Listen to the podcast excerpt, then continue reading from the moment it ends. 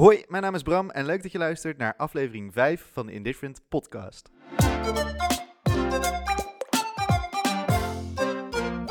Februari zit erop en met een beetje fantasie voel je de lente in de verte naderen. Een klein beetje hoop in barre tijden vol berichten uit Gaza en Oekraïne. Zangeres Anouk kwam uit het niets met een statement over transvrouwen, maar kwam hier een soort van op terug. In de studio gaan we het in ieder geval gezellig maken en bespreken we een thema waar we deze maand ook op Instagram veel aandacht aan besteed hebben: uiterlijke modificatie. En dat doe ik natuurlijk met Wil en eh, AD. Eh, jullie kennen elkaar wat langer, geloof ik. Ehm, Lijkt dat zo? ja, dat gevoel had ik zo toen jullie binnenkwamen. Ah, ik weet het eigenlijk niet. Ja, ik denk dat het, dat het wel zo is. Ehm, toch ga ik nog een poging doen om jullie iets beter te leren kennen. Te beginnen met de nieuwe gasten natuurlijk. Wil, ben je er klaar voor? Eh, denk het. Oké, komt goed. Voornaamwoorden. Oh, god. Ja, aan vraag 1. Ga je al? ja, dit is mijn downfall. nou, 3, 2, 1. Voor? nee, ehm, ik ben echt in de war. Je bent echt in de war. Oké, oké, oké. Voornaamwoorden in de war. In de war. Ja. Alright. Woonplaats? Eh Oosterbeek, Arnhem. Middelbare school? Montessori College Arnhem. Leukste moment bij Indifferent? Nu. Favoriete woord? Miauw. Koop je liever nieuw of tweedehands? Tweedehands. Koffie of thee? Koffie. Meivakantie of herfstvakantie? Meivakantie. En wat, is je mooiste, wat vind je de mooiste taal? Oeh, Duits. Duits? Ja. Hoe ziet jouw ochtendroutine eruit? Ehm, verwarrend. Eh, chaotisch. Waar voel jij je thuis? Ehm, bij mijn vrienden. Wat is je verborgen talent? Oeh. Niet. Als je één ding zou mogen veranderen aan je lichaam, wat zou het dan zijn? Ehm, van die uitklapbare benen, zodat ik af en toe gewoon wat langer kan zijn. Welkom. AD, ben je ready? Eh, ja, denk wel. Voornaamwoorden. Hi hem. Wat is je beste party trick? Misschien kun jij dat beter zeggen. Dat is mijn best- beste party trick. Wat is jouw beste party trick? Ik weet het niet. Ehm Atte of zo? Nee, daar ben je best wel matig in. Wat is mijn party trick? Leg het even uit. God, wat doe je op feestjes? Jij brengt iedereen bij elkaar. Dat vind ik oprecht wel een party trick. Oh, thanks. Grootste miskoop die je ooit gedaan hebt? Ehm, een D-Squared 2 trui. Zou je beter op mijn planten of op mijn huisdieren kunnen passen als ik op vakantie ben? Geen van beide. Maar als, het, als ik er zijn, denk ik, denk ik je planten. Welk nieuws had je s'nachts wakker? Ehm Gaza. Wat is het meest romantische dat je ooit gedaan hebt? Ehm, het, was, het was heel laagdrempelig, maar ik had toen de tijd had ik iets met een meisje en eh zou langskomen. En ik heb een balkon op mijn kamer. Toen heb ik allemaal lakens opgehangen en allemaal kussentjes. En toen heb ik eh, allemaal picknickdingen gemaakt en wijn ingekocht. En toen hadden we heel gezellig zo gepicnict op balkon. Wat is een eigenschap die iemand maar beter niet kan hebben? Die iemand niet kan hebben. Ja. Oh, gewoon wat ik niet fijn vind bij iemand anders. Ja. Eh, heel aanhankelijk intrusive. Heb je ooit wel eens iemand gepest om hoe diegene eruit zag? ja, denk het wel. Als je één ding zou mogen veranderen aan je lichaam, wat zou het dan zijn? Eh, ja, wat zou ik veranderen? Ik denk dat ik grotere handen zou willen. Ik heb hele kleine handjes. Oké, welkom. hey, even, hè. Je- Duits? Ja? Waarom? I don't know. Het Waar is spreekt me er niet? aan.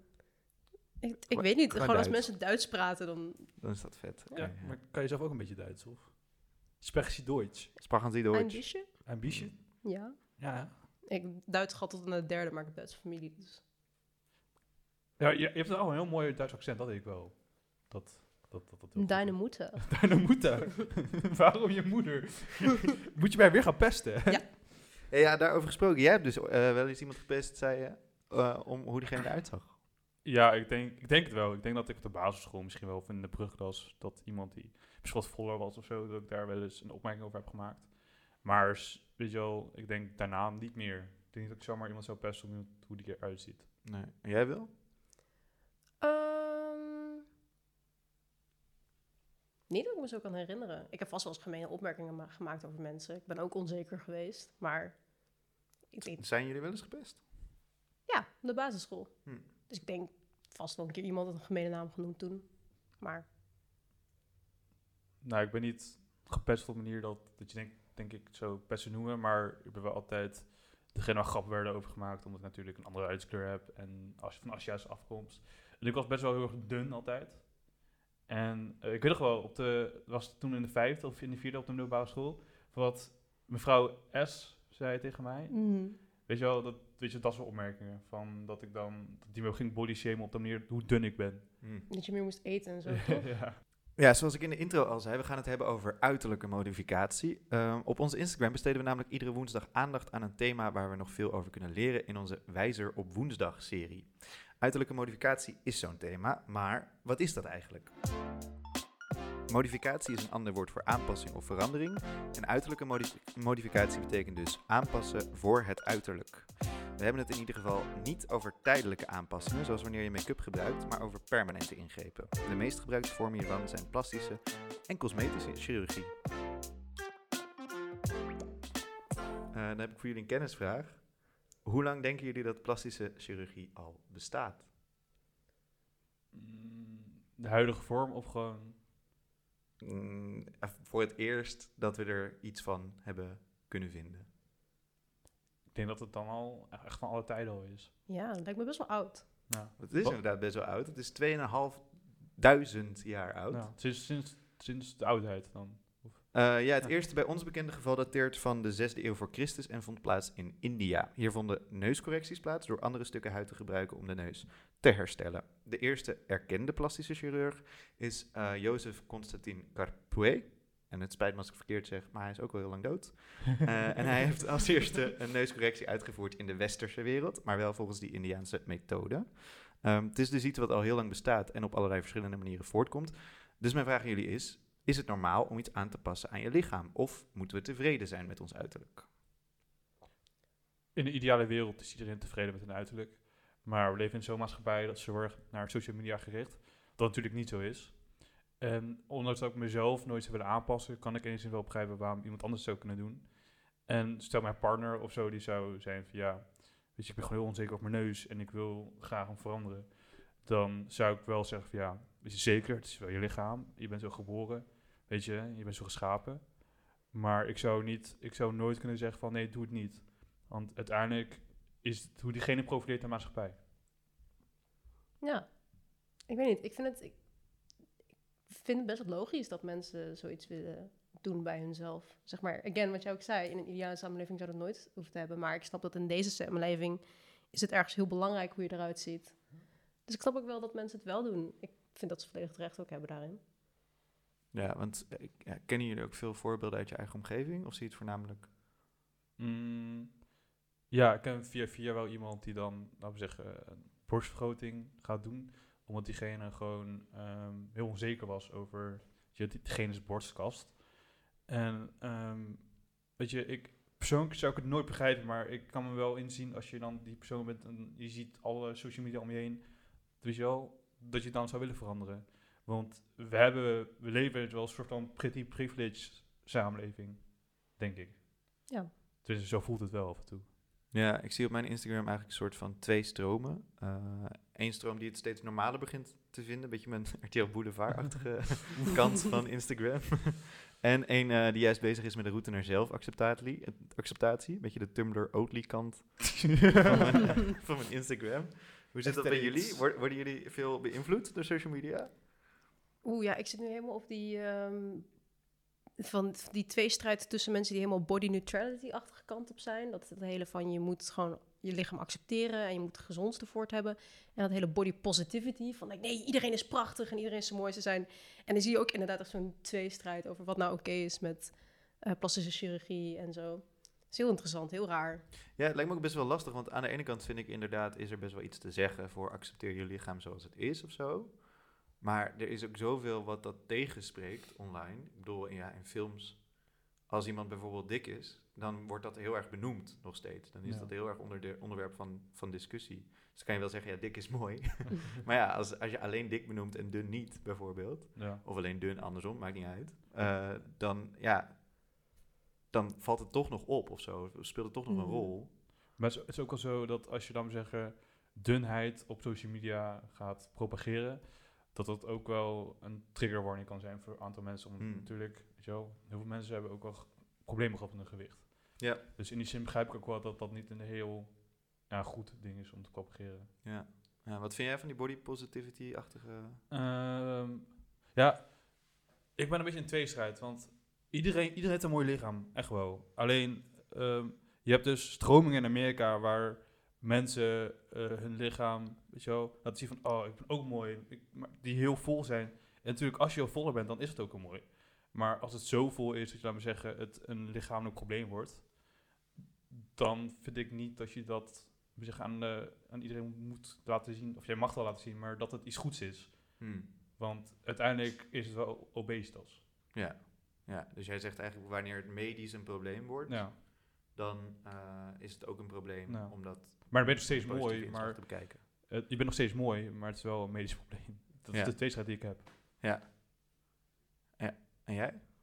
Ehm, ik vind dat body positivity heeft een heel goed idee. Als in natuurlijk iedereen, moet, iedereen is mooi en we moeten iedereen accepteren. En ik vind ook dat we iedereen in zijn waarde moeten laten. Ik vind het een beetje extreem dat, dat mensen zo ver uit hun weg gaan om commentaar te hebben op andermans lichaam.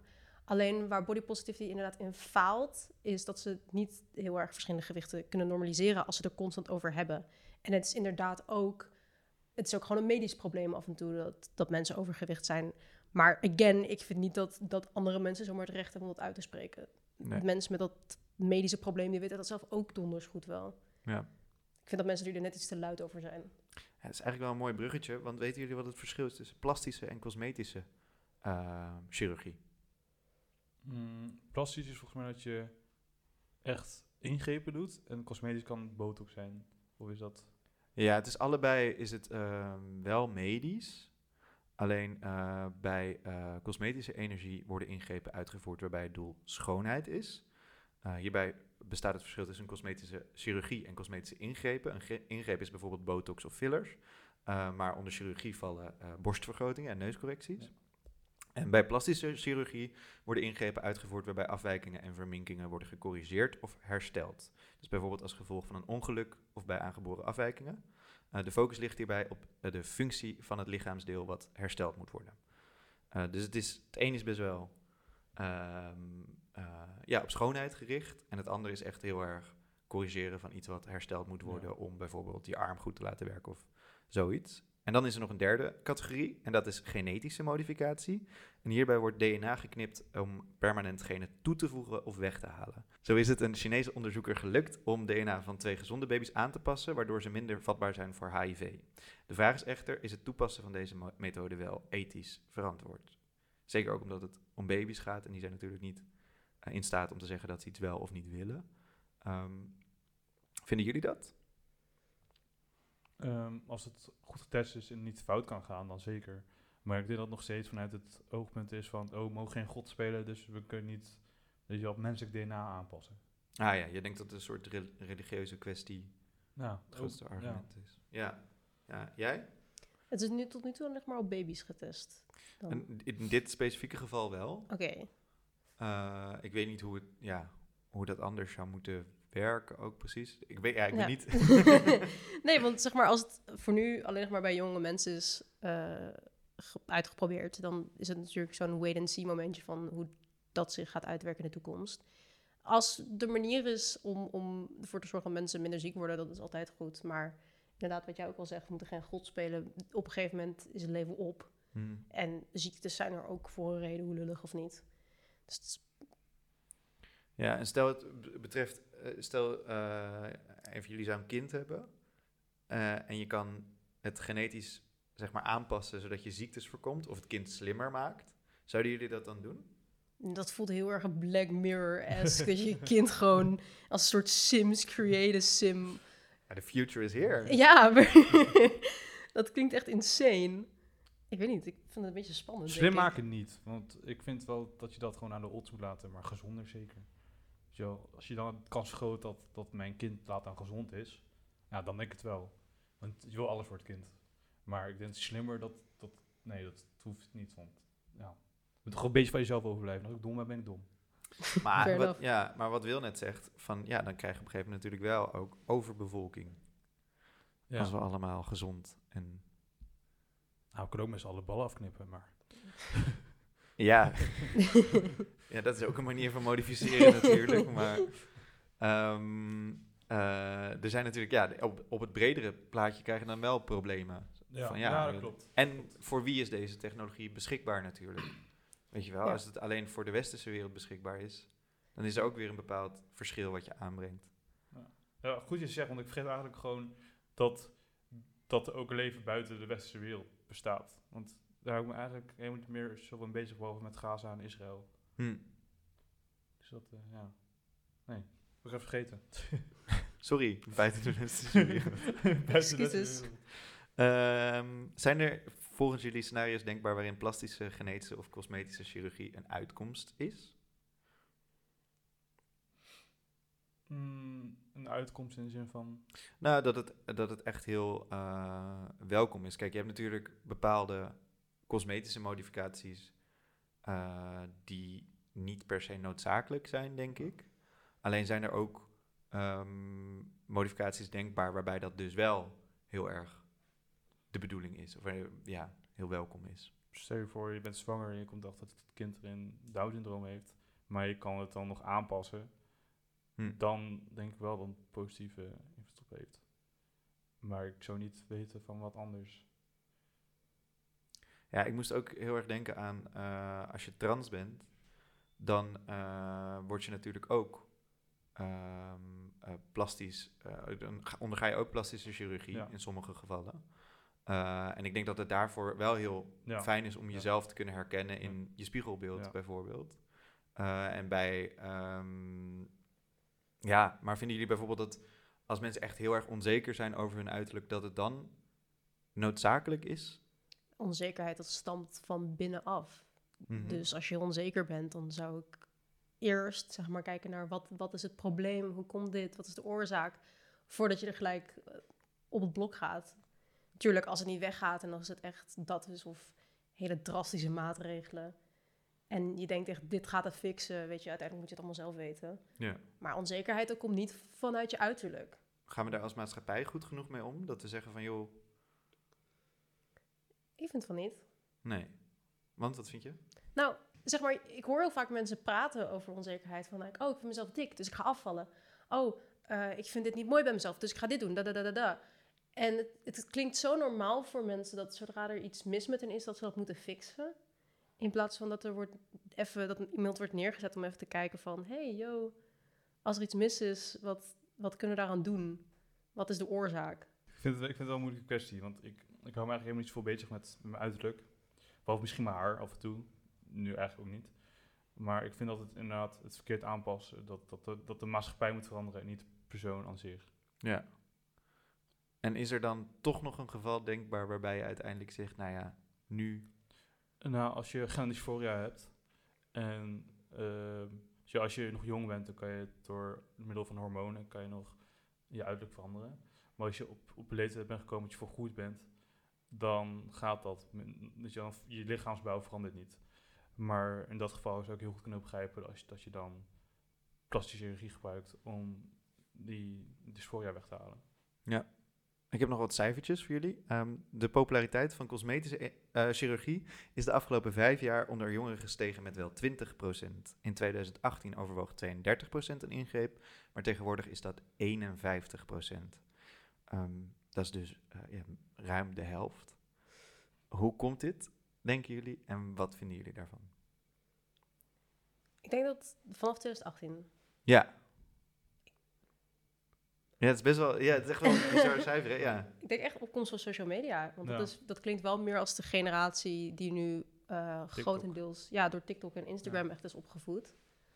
Ik denk dat het daar voornamelijk door komt. En ik vond dat insane.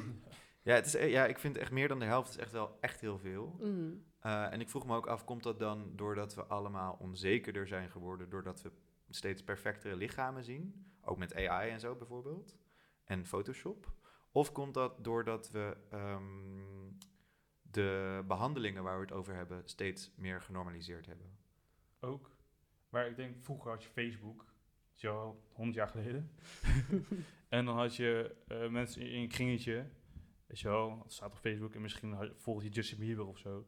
Maar nu heb je dingen zoals TikTok. En dan zie je eh, je view page en dan zie je dingen wat trendy zijn, wat populair zijn. En dan zie je hele mooie mensen die natuurlijk die geluid worden.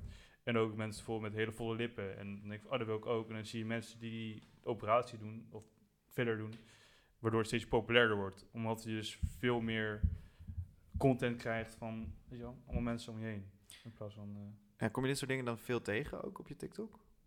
ja, zeker wel. Ik heb, je hebt, eh, als ik op een viewpage kom, heb ik ook wel eens tegengekomen dat mensen, laten we zeggen, filler hebben genomen. Of dan kom je wel eens een uh, plastisch chirurg tegen die dan, laten we zeggen, een no nootjob heeft gedaan.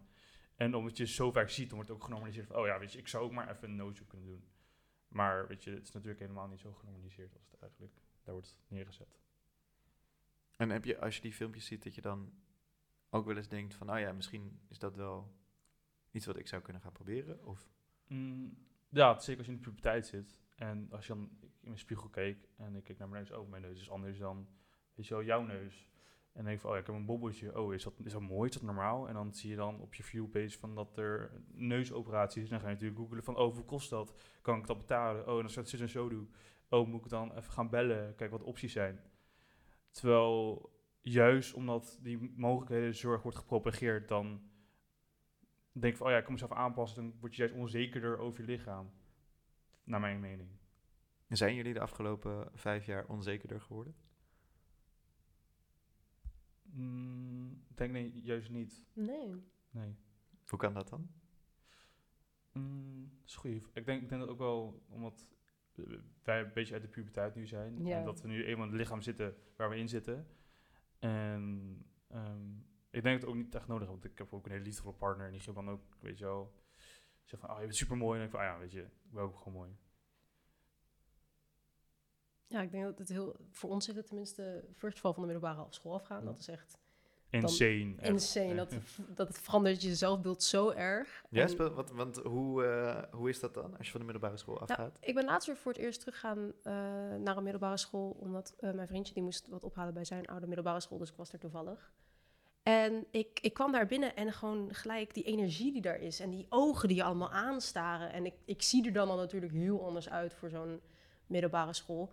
En, dan, en mensen staren je je ziel in.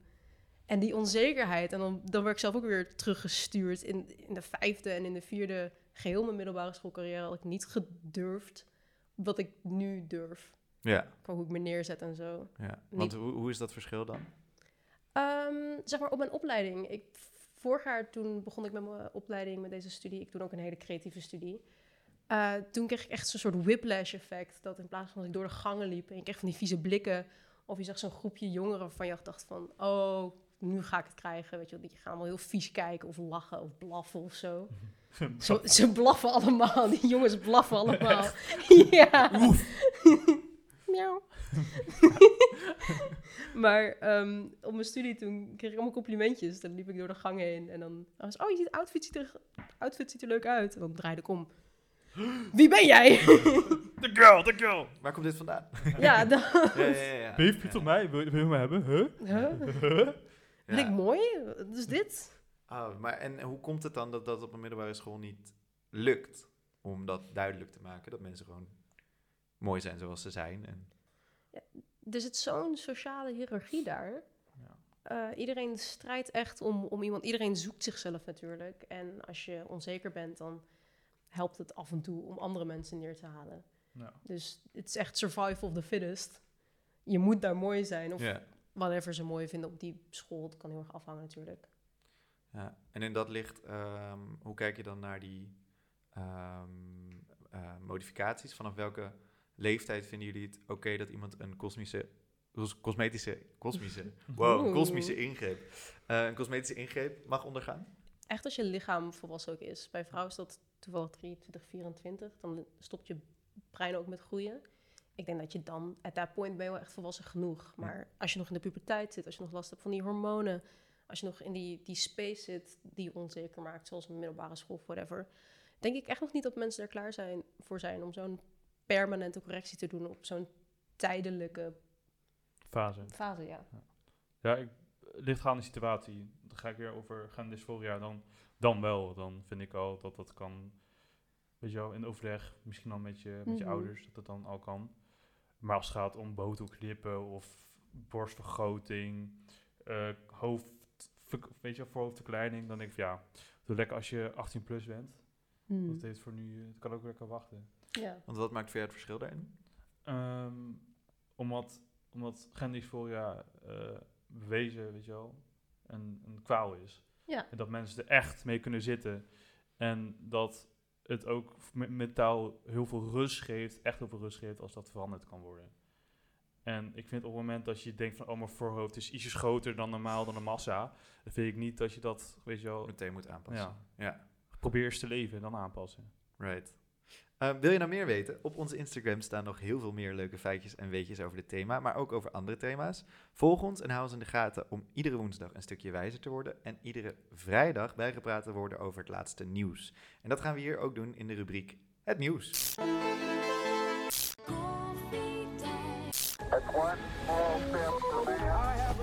Dit, is een extra NOS-journaal. Te beginnen met Elmo, die stelde slechts een onschuldige vraag, maar de rode Sesamstraat Muppet kreeg een stortvloed van emotionele reacties. Mensen reageerden massaal met hun zorgen, die varieerden van depressie tot financiële problemen. De vraag, hoe gaat het met jullie? Eh, maakte heel veel los op social media. De statistieken van X laten zien dat het berichtje van Elmo 180 miljoen keer is bekeken. Samantha Maltin van Sesame Workshop, de non-profit organisatie achter Sesame Street, zegt dat Elmo misschien niet klaar was voor de alle emotionele bagage die hij kreeg in de reacties, maar dat ze erg blij is dat de vraag gesteld is. De New York Times stelt dat de stortvloed aan eh, verhalen de behoefte aan gratis mentale zorg duidelijk maakt. Ja, waarom komt er zoveel los bij zo'n simpele vraag, denken jullie? Het is een diepgaande vraag. Hoe gaat het Hoe met je? gaat het? Ja. Ja. Ik weet niet. Ik denk dat, ik denk dat mensen niet meer zo vaak naar elkaar omkijken om te vragen hoe gaat het met je. Ik bedoel, hoe vaak vraag jij aan mensen hoe het met mensen gaat? Hmm. Bram, hoe vaak vraag jij aan mensen hoe gaat het met je? En dan Ehm, niet in de zin van hoe gaat het met je goed, maar hoe gaat het met je echt met je? ik denk dat ik dat één à twee keer per week doe. Nou. Denk ik. En dan mag het gelukkig het horen, maar alle andere mensen dan? Ja, die, ja, daarvan hoop ik dan dat ze iemand anders, en Ja. het liefst niet Elmo. maar eh, snap je, eh, heel vaak kijken mensen niet echt meer naar elkaar om. In de zin van, ja, hoe gaat het echt met je? Dus ik snap wel, al vind ik het echt heel absurd, snap ik het wel. Hm. Ja. En jij? Ehm, ik weet niet. Ik snap wel dat het iets losmaakt. Ik heb zelf ook wel eens gehad dat ik lastige dagen heb gehad. En dat iemand dan vraagt van, oh, hoe gaat het? Of hoe is het? En dan niet met de intentie van, like, hoe gaat het met je? Wat? Maar gewoon, hoe gaat het goed? Oké, cool, we kunnen verder Ja. met het gesprek. Maar dat mensen dan aan mij vragen, dat ik echt dacht van, oh, oh, hoe het met me gaat. Oh, nou, nu leuk dat je het vraagt. Doe ik niet, maandagochtend. Ehm, maar ik snap wel dat het iets losbrengt bij mensen. Het kan ook mensen af en toe wel reminden dat ze ergens mee zitten, wat ze dan actief wegdrukken. Ja. Wat is de laatste keer dat je aan iemand hebt gevraagd hoe het gaat? Ehm gisteren. Gisteren. En voor jou? Wanneer heb ik het voor het laatst aan jou gevraagd? ik. Eh, voor, vorige week ergens, dacht ik. Vorige week. Ergens. Ben ik zo slecht? Nu- Voor, het is maandagochtend. Ehm, nee, ik denk, denk, denk Jesse vanochtend. Nee, Ja. nee, gisteren, gisteren. Gisteren aan de telefoon. En hoe gaat het met jullie? Ja, heel Goed slecht. Ik ben zo, zo verdrietig. Ehm, we blijven bij hetzelfde thema en eh, dit is niet heel leuk, maar er is een grote stijging in het aantal zelfdodingen onder jongeren. Het aantal jongeren dat om het leven komt door zelfdoding is de afgelopen 10 jaar toegenomen met 17%. In 2023 kwamen 300 jongeren onder de 30 om het leven door zelfdoding, zo blijkt uit de cijfers van de Commissie Actuele Nederlandse Suïcideregistratie. Renske Gillissen, voorzitter van de KANS, eh, dat is dus die commissie, en eh, hoofdonderzoeker bij 113 zelfmoordpreventie maakt zich zorgen over de grote stijging eh, in het aantal zelfdodingen bij jongeren. De KANS heeft onderzoek gedaan naar de meest voorkomende oorzaken van zelfdoding. Echter, er is vaak geen duidelijke oorzaak aan te wijzen. Oorzaken die uit reconstructies naar voren komen zijn vaak psychische problemen, problemen met de zorg en sociale relaties. Bij mannen spelen verslavingen vaak een, rol bij zelfdoding. Bij jonge vrouwen is pesten een factor die vaak wordt genoemd. Ehm, ja, mocht je hierover over over nadenken, dan kun je dus contact opnemen met het nummer van 113. Dat is 0800 0113. Ja. Ehm, maar hoe denken jullie dat we dit probleem het beste kunnen gaan aanpakken? meer voor jeugdzorg. Ja, Meer de jeugdzorg. is echt fokt gewoon. Ja. Er moet echt meer voorkomen. Het is En echt... dan krijgen we nu Wilders aan de macht en die... eh, Ja. Ik weet niet of hij nou heel erg veel over mentale zorg... eh, nee, maar eh, de zorg is echt een probleem. Want eh, volgens mij als je dan nu zou aanmelden van... Yo, ik voel me niet zo lekker daar zo, dan... Hoe lang moet je er nog gaan staan? Eh, nou, ik had in november had ik me aangemeld voor een psycholoog. Ik had eindelijk eh, mijn ballen bij elkaar gepakt en ik ben naar mijn huisarts gestapt daarvoor. met gewoon mentale problemen. En ik dacht dat het allemaal heel snel ging, maar toen kreeg ik een belletje van mijn... Dat was in november. Een belletje van mijn psycholoog. Oh, ehm, wat doe jij op 12 maart?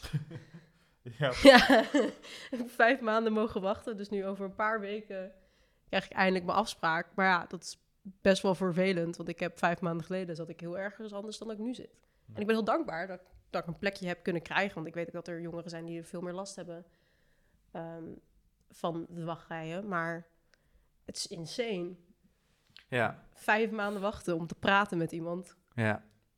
Ja, ja, en het verschilt ook heel erg per regio. Dat is ook Mhm. ja, best wel vreemd, vind ik. Maar dus, er zit wel druk achter. Het is niet per direct ambulante zorg, maar er zit wel druk achter. En weet je, hoe langer zo'n persoon moet wachten, hoe meer risico er is.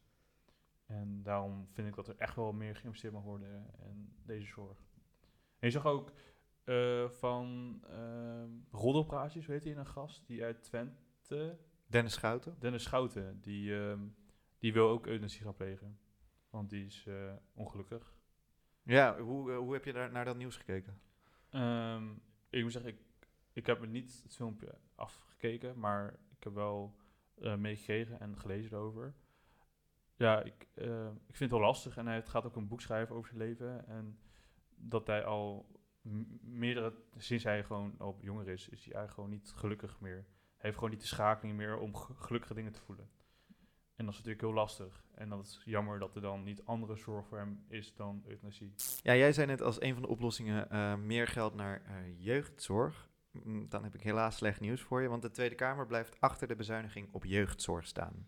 Een poging in de Tweede Kamer om een extra structurele bezuiniging op jeugdzorg voor ruim 500 miljoen euro te schrappen is gestrand. Een motie hiertoe van GroenLinks, PvdA, SP, ChristenUnie en SGP kreeg dinsdag niet genoeg steun. Onder meer de vier formerende partijen PVV, VVD, NSC en BBB, die een meerderheid vormen, waren tegen. Ja, hoe kijk je hier dan naar als je dit hoort? Ik snap het gewoon niet. Dit is de volgende generatie waar we het over hebben. En, en de statistieken zeggen het. We vallen gewoon dood neer zo. Er moet meer zorg komen. En misschien ben ik ook een beetje biased. Ik word, wil natuurlijk vaktherapeut worden. Het is mijn baan waar ze op willen bezuinigen. Uh, maar het is ook mijn generatie. En ik heb er zelf ook enorm mee gezeten. Er moet hulp zijn. Het is zo'n groot onderliggend probleem. Ja, maar je, je zegt ik ben biased, maar het zijn ook gewoon cijfers die je naast elkaar kan zetten. En ik kom ook tot dezelfde conclusie. zeg Daarom. maar. Ja, Mhm. ja. Ja, ik vind het echt... eh, ik zeg niet zo vaak hele, hele stellige dingen, maar ik vind het echt schandalig. Ja. Ehm, dus de, hier, moet, eh, hier moet Den Haag iets aan gaan doen. En de jeugdzorg is een zooitje. Dus, eh, maar goed, supergoed dat je dat werk dan in ieder geval doet en, eh, en gaat voortzetten. Dan gaan we naar Anouk, want Anouk heeft na uitspraken liefdevol gesprek gehad met transvrouw. Anouk is na de ophef die iets meer dan een week geleden ontstond, de dialoog aangegaan met een transvrouw. De zangeres die schreef dat je pipi afhakken je geen vrouw maakt, werd uitgenodigd door Millie. En dat leverde een liefdevol, eerlijk en openhartig gesprek op, schrijft ze maandag op Instagram. Geen damage control of excuses, benadrukt Anouk bij haar bericht. Uh, ik was een beetje uh, ja, puzzled toen ik dit zag. Ik was helemaal omvergeblazen door de thread van Anouk. Ja, Hoe noem je dat? dat? Ja. Uh, en toen zag ik dit bericht en toen wist ik ineens niet meer zo goed wat ik erover moest voelen. Dus help mij met wat ik moet voelen. Volgens mij is Anouk gewoon heel erg van de aandacht. En dacht ze, oh, ik ben zo edgy, daar ik even dit posten. Ja. En toen zag ze de haten van, of de commotie. En dacht van, oh ja, toch wel damage control, ook al noemt ze het niet zo. Ja, het is wel echt een goed pratertje. Je kan niet de... Nee, ik, ik ben niet transfobisch. Ik heb met een transpersoon gepraat, uh, kaart trekken. Dat is niet hoe dat werkt. Ik ben niet racistisch, want ik heb zo'n vriend, weet je wel. ja. En als we dan niet focussen op Anouk, maar op Millie, vinden jullie het dan goed dat zij uh, Anouk uitnodigt? Ja. Nou, Ja, Ja, ik vind dat het niks goeds praat vanuit Anouk's kant. Maar ik vind het wel fijn dat Anouk zich ervoor openstelt. En Ja. ik vind het goed eh, dat Millie zich openstelt om het gesprek aan te gaan. Ook al is Anouk heel negatief geweest. eh, Ja. over indirect over haar ook. Ja, ik zag ook een eh, interview eh, met eh, Jip van den Toorn van die, eh, eh, hoe heet het, eh, comic, hoe heet het nou, cartoons in de Volkskrant. Het zijn altijd Oh. hele vette cartoons, kan ik iedereen heel erg aanraden. Ehm, en eh, haar partner is trans en die had het op bij Galit en Sophie, of tegenwoordig is dat Jeroen en Sophie, geloof ik, eh, over dat we dit gesprek misschien ook iets meer algemeen moeten trekken. En dat we bijvoorbeeld ook moeten kijken naar hoe politici praten over eh, de groep transpersonen. En ehm, hoe het eigenlijk niet iets met Anouk te maken heeft, dit ding, maar met een veel bredere stroming in de maatschappij. Hoe kijken jullie daarna? Ik denk dat een hele grote deel van de maatschappij gewoon nooit direct een transvrouw heeft gezien of gesproken. Of een transpersoon aan zich. En ehm, dat daarom ook een idee over schept wat in de media gebeurt. Als je dan vrij rechtse media bekijkt, dan heb je ook al snel een rechtse mening over. Maar ik denk dat al spreek je een transpersoon, dat, dat al die ideeën al, ideeën al snel wegvallen, omdat je dan ook echt een persoon voor je ziet. Een persoon met emoties, en een persoon met gedachten, met een eigen doen en laten. En ik denk dat dat al heel goed doet. Dan nog even een nieuwtje in het thema van deze aflevering. Want het zelfbeeld van tieners wordt geschaad door ideale AI-vrouwen op Instagram. Eh, de opkomst van generatieve AI, waarmee eindeloos perfecte beelden van niet bestaande personen kunnen worden gecreëerd, versterkt het reeds bestaande probleem van negatieve zelfbeelden bij tieners. Instagram, waar veel mensen al hun schijnbaar perfecte levens delen, speelt hier een grote rol in. Onderzoek toont aan dat bijna de helft van tienermeisjes sociale media als een negatieve invloed op hun zelfbeeld ervaart. Met AI wordt het nu eenvoudig om beelden te maken die voldoen aan perfect, perfecte schoonheidsidealen. Experts waarschuwen dat dit vooral kwetsbare jongeren treft die zich snel vergelijken en be- beïnvloed worden door externe factoren. Meta, het moederbedrijf van Instagram, belooft AI-beelden te labelen om de echtheid aan te geven, maar de effectiviteit hiervan blijft onzeker. Het risico op schade aan de mentale gezondheid van jongeren door geperfectioneerde beelden blijft een zorg. Ehm, ja, ik had het er ook net al even over, maar die beelden die eh, AI maakt, die zijn inmiddels niet meer van echt onderscheiden en wel een soort van onwerkelijk. zeg maar, ik kan, eh, ja. Eh, Maakt dat jullie onzeker of niet? Nee. Ik vind het wel spannend. Het is nu nog wel een Canny Valley-achtig, maar het begint wel heel erg op te lijken. Denk je dat, dat mensen nou, laten we zeggen, alleen naar AI kijken, niet meer naar elkaar? Of hoezo vind je het spannend? Nou, ehm, eerst moesten we tegen perfecte mensen op, zeg maar. Een beetje een soort competitie in wie het mooiste is. Zeg maar, dat was het, het perfecte beeld. Nu kunnen we het streefbeeld nog erger maken met AI. Ja. Tenminste waren toen nog mensen. En nu zijn het gewoon plaatjes Ja, gemaakt door, je, door een entiteit dat niet bestaat. ja, het- zeg maar, als mens kan je, perfectie bestaat niet, maar als mens kan je dichtbij perfectie komen. Uiteindelijk zou je als mens altijd niet helemaal perfect kunnen zijn, maar AI zou dat wel kunnen. Dat is eng. Maar kan het niet gewoon een soort fantasie zijn? Of is, vind je dat ook wel schadelijk? Want het is in principe fantasie, want je zou het nooit kunnen aantasten. Nee, maar er gaan wel mensen zijn die daar, denk ik, eh, naartoe gaan streven. Ja. Dat is heel eng. Over eng gesproken. Mannelijke studenten aan de Universiteit van Manchester richten vereniging op tegen abortus. Aan de Universiteit van Manchester heeft de oprichting van de Manchester Pro-Life Society, geleid door mannen, tot ophef geleid. De anti-abortusvereniging zonder initieel vrouwelijk lid kreeg kritiek vanwege de mogelijke intimidatie en oordelen over persoonlijke keuzes. Onder druk voegde de vereniging twee vrouwelijke leden toe, maar een petitie eist nog steeds ontbinding. Ondanks zorgen voor de studentveiligheid kan de studentenbond de vereniging niet ontbinden volgens wetgeving. Studenten ervaren de vereniging als bedreigend, terwijl anderen stellen dat universiteiten ruimte moeten bieden voor progressie zonder debat over vrouwenrechten. Zo.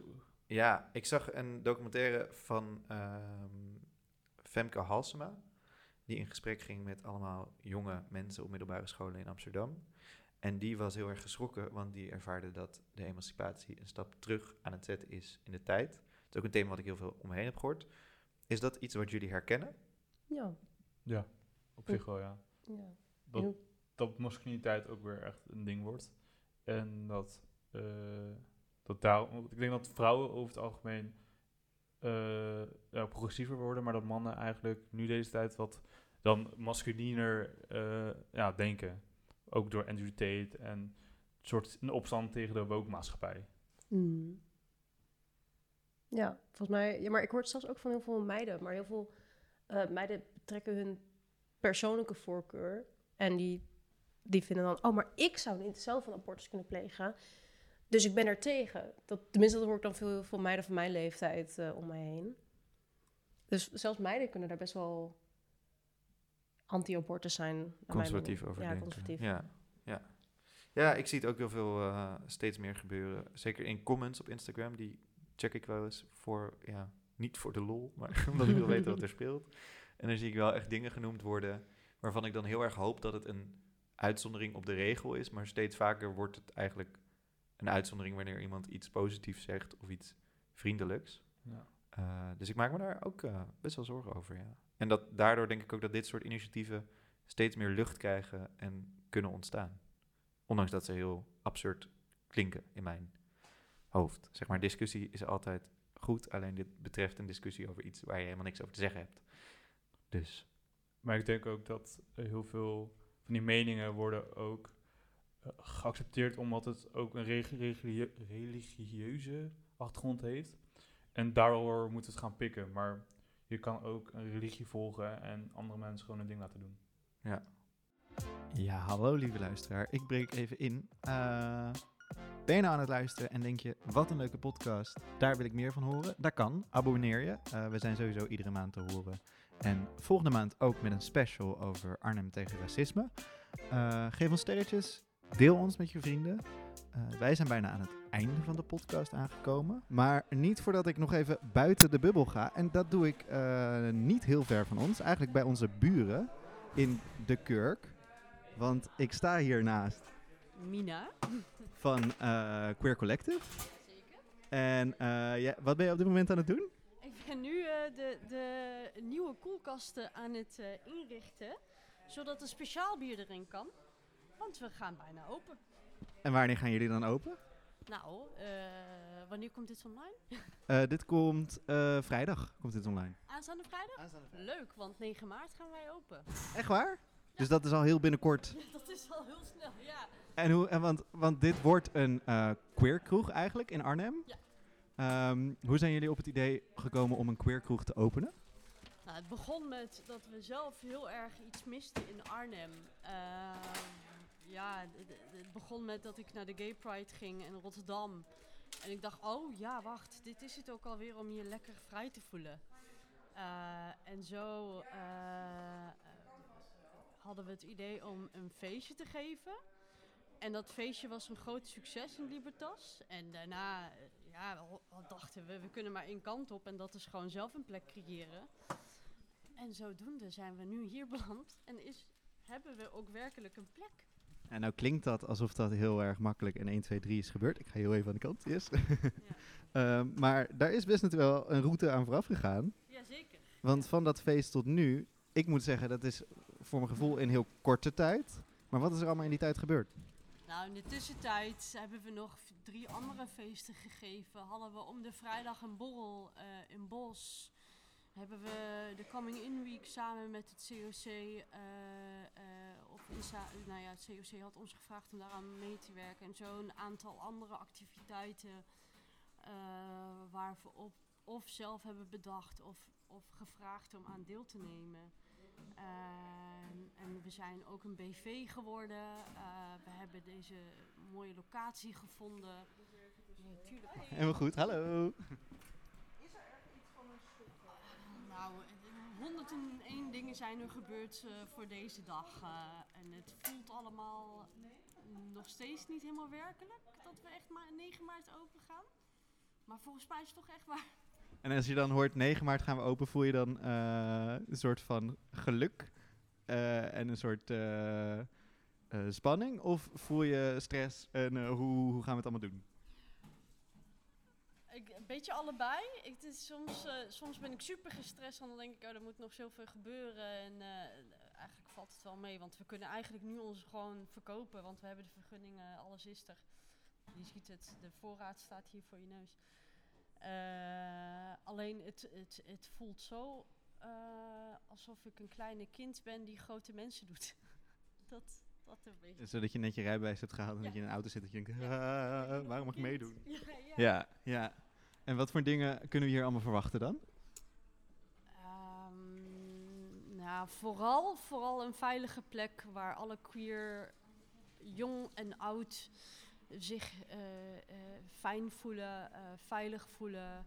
ehm, het gevoel hebben dat, dat ze ook iets zelf kunnen bijdragen. We hopen ook dat je stiekem denkt, oeh, kom we gaan, want wat gaan ze vandaag weer gekkigheid uithalen? Dat is ook een beetje, we hebben honderd leuke ideeën die we grappig vinden. Wat er precies uitgevoerd gaat worden, weten we nog niet precies. Ehm, ja, ik, eh, ik, ik, hoop zo, ik hoop dat ik hier een biertje zit te tappen voor iemand die ondertussen wel ergens in een hoekje zit te zoenen met iemand.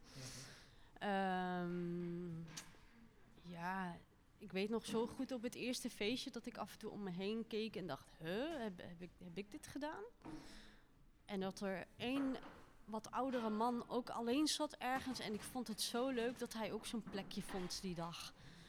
Ja, dat, dat, er- dat er diverse mensen, verschillende klikjes, ook elkaar hier gaan vinden. Ja. En hier is, eh, nog even voor de duidelijkheid, De Kurk op de Steenstraat nummer 68. Eh, het oude metropool wordt het genoemd. Maar vanaf nu is het de Kurk. netjes, heel goed. Ja. En hoe is de plek? Zeg maar, hoe, eh, hoe zijn jullie op deze plek terechtgekomen? Via eh Grols eigenlijk. Wij waren in gesprek eerst met de brouwerij voordat we een locatie hadden. Omdat wij ook via, eh, via hele leuke contacten hadden met eh, iemand van Elmar van Willemeen. Hij, zei, hij vroeg ons om erbij te zijn. Wat heel fijn was, want dan kun je samen een hele leuke contracten eh, aangaan. En toen zei Grols... Oh, ja, wij hebben nog wel een leuke locatie. Wij dachten, het is veel te groot, eh, maar laten we gewoon gaan kijken. En er was ook een klein beetje spanning over de Steenstraat, moet ik eerlijk zeggen. Alleen sinds dat we hier zijn, nou, de mensen waar de meeste angst voor was, eh, dat zijn de liefste mensen voor ons nu. Is, dat is heel leuk. Ja, want aan wat voor dingen merk je dat dan? Nou, de, de, de buurman, eh, die, eh, hier bijvoorbeeld Mitano Falafel, de Turkse café hier tegenover, maar ook Arnhem eh, Noord.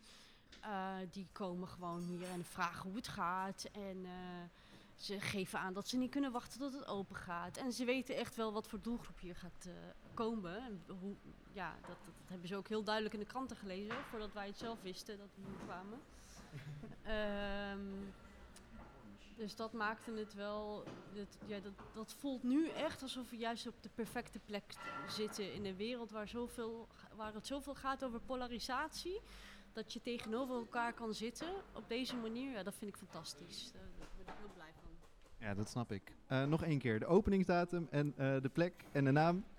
Eh, openingsdatum is 9 maart, Steenstraat nummer 68, De Kurk. Zie jullie daar. Dankjewel voor het luisteren.